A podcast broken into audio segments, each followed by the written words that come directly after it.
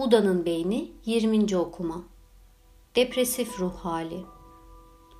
Rutin SNS ya da HPAA aktivasyonu neşeli bir yana sakin bir ruh durumunun biyokimyasını çeşitli açılardan çürütür. Norepinefrin kendinizi uyanık ve zihinsel olarak enerjik hissetmenize yardımcı olur ancak glukokortikoid hormonları bunu tüketir. Azalan norepinefrin kendinizi donuk, hatta hissiz hissetmenize, konsantrasyonunuzun bozulmasına sebep olabilir. Bunlar da depresyonun klasik semptomlarıdır. Zaman içinde glukokortikoidler dopamin üretimini azaltır. Bu da bir zamanlar zevk alınan aktivitelerde keyif kaybına yol açar. Bu da yine depresyonun bir başka klasik ölçütüdür. Stres, iyi bir ruh halini korumak için muhtemelen en önemli nörotransmitter olan serotonini azaltır.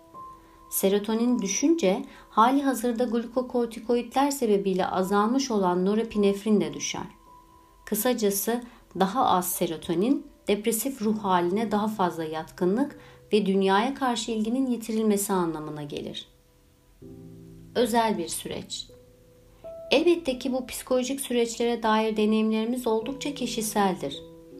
Üzgün olduğumda tüm bu biyokimyasal detayları düşünmem.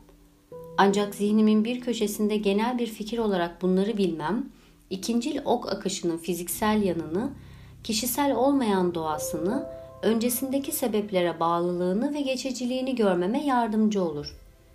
Bu anlayış umut verici ve motive edicidir. Acı çekmenin beyninizde ve bedeninizde belirgin sebepleri vardır.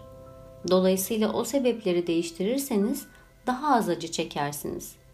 Bu sebepleri değiştirmeniz de mümkündür. Kitabın kalan kısmında bunu nasıl yapacağımıza odaklanacağız.